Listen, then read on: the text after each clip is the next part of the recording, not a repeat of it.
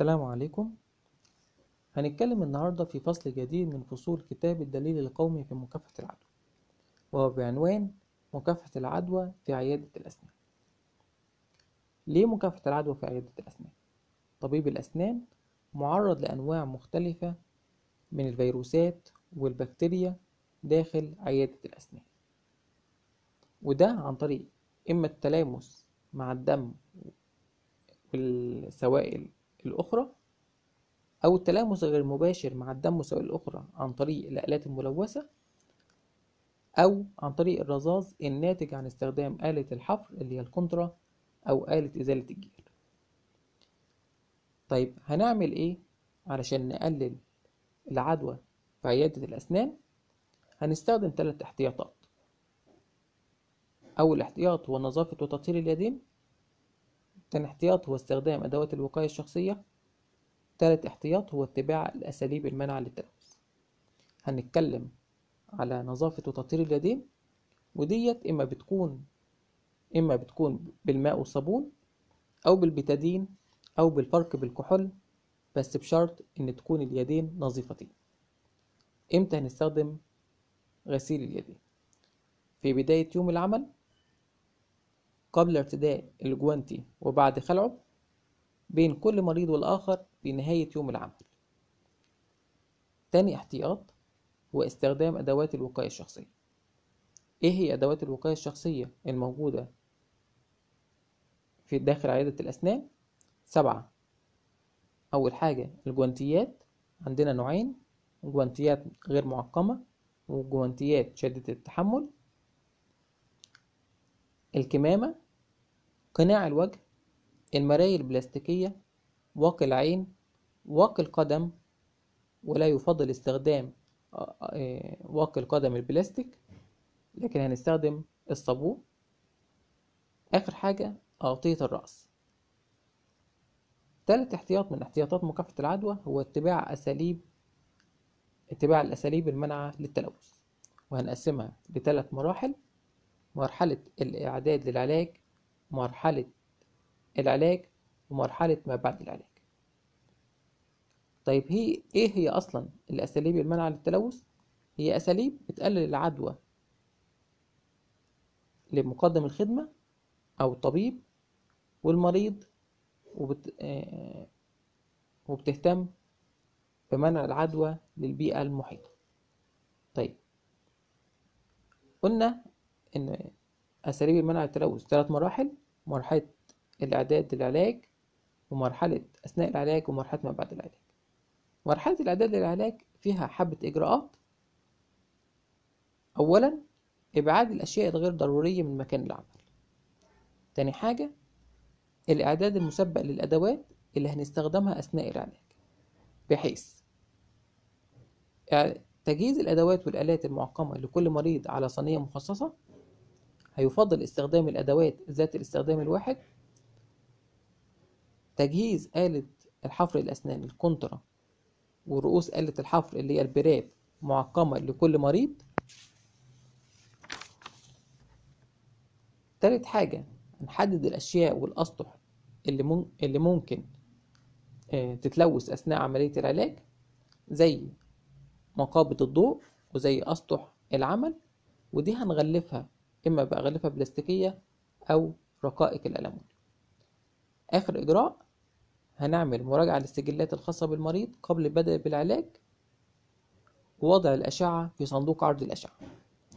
تاني مرحلة من مراحل الأساليب المنع للتلوث هي مرحلة العلاج. وديت هتشمل على ثلاث إجراءات.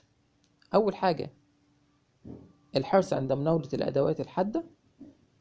تاني حاجة فصل النفايات قدر الإمكان بحيث إن النفايات العادية هنحطها في أكياس سمراء النفايات الملوثة في كيس أحمر النفايات الحادة في صندوق الأمان تالت حاجة هنتجنب لمس المفاتيح والمقابض وفتح الأدرج بمجرد البدء في العلاج.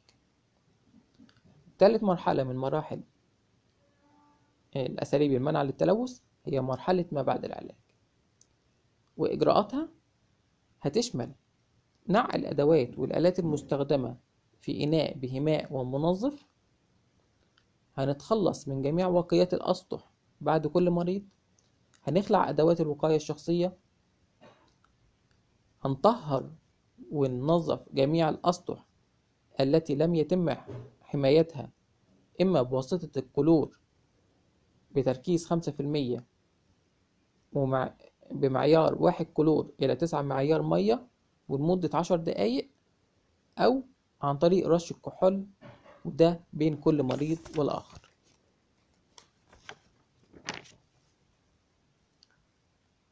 خامس حاجة إعادة معالجة الأدوات والآلات وديت عن طريق تنظيفها ثم تعقيمها والتنظيف بيسبقه زي ما قلنا نقع الأدوات والآلات في إناء به ماء وسائل منظف.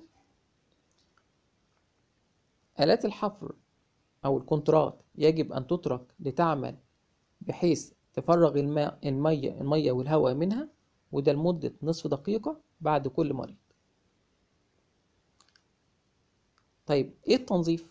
التنظيف إما بيكون بتنظيف إما يكون تنظيف يدوي أو تنظيف آلي.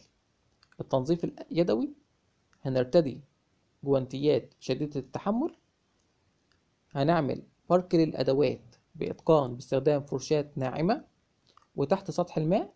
هيتم شطف الأدوات جيدا بماء جاري. هيتم فحص الأدوات للتأكد من نظافتها. بعد كده تجفيف الأدوات جيدا ثم تبكيتها عشان ندخل في المرحلة مرحلة التعقيم الإجراء اللي بعد كده رقم ستة هو تطهير خطوط المياه بوحدة الأسنان وديت عن طريق ترك المياه تتدفق خلال خطوط مياه الكرسي لعدة دقائق في بداية كل يوم وبين كل مريض والآخر وفي نهاية اليوم. سادس إجراء هو نظافة وتطهير بيئة عيادة الأسنان عن طريق تنظيف كرسي الأسنان والأسطح بعد كل مريض وفي نهاية اليوم. عن طريق منشفة وماء منظف ثم تطهيرها بالكلور. ويمكن الاستغناء بالماء والصابون والاكتفاء بالكلور تركيز خمسة في المية بمعيار كلور إلى تسعة معيار مية. آخر حاجة هو التعامل مع النفايات. قلنا المخلفات العادية هنحطها في أكياس عادية اللي هي الأكياس السمراء. المخلفات الملوثة بالدم هنحطها في النفايات الطبية في أكياس النفايات الطبية الخطرة اللي هي الأكياس الحمراء.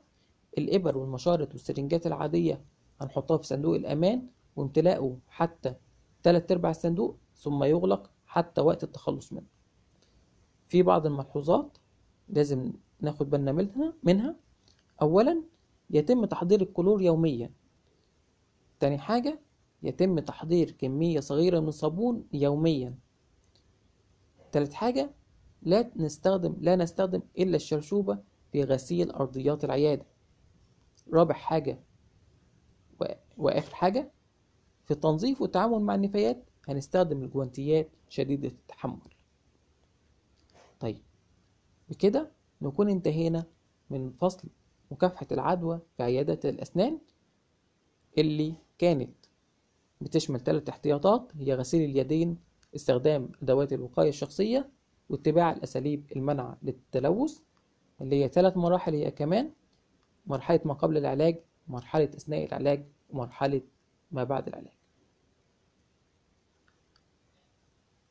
والسلام.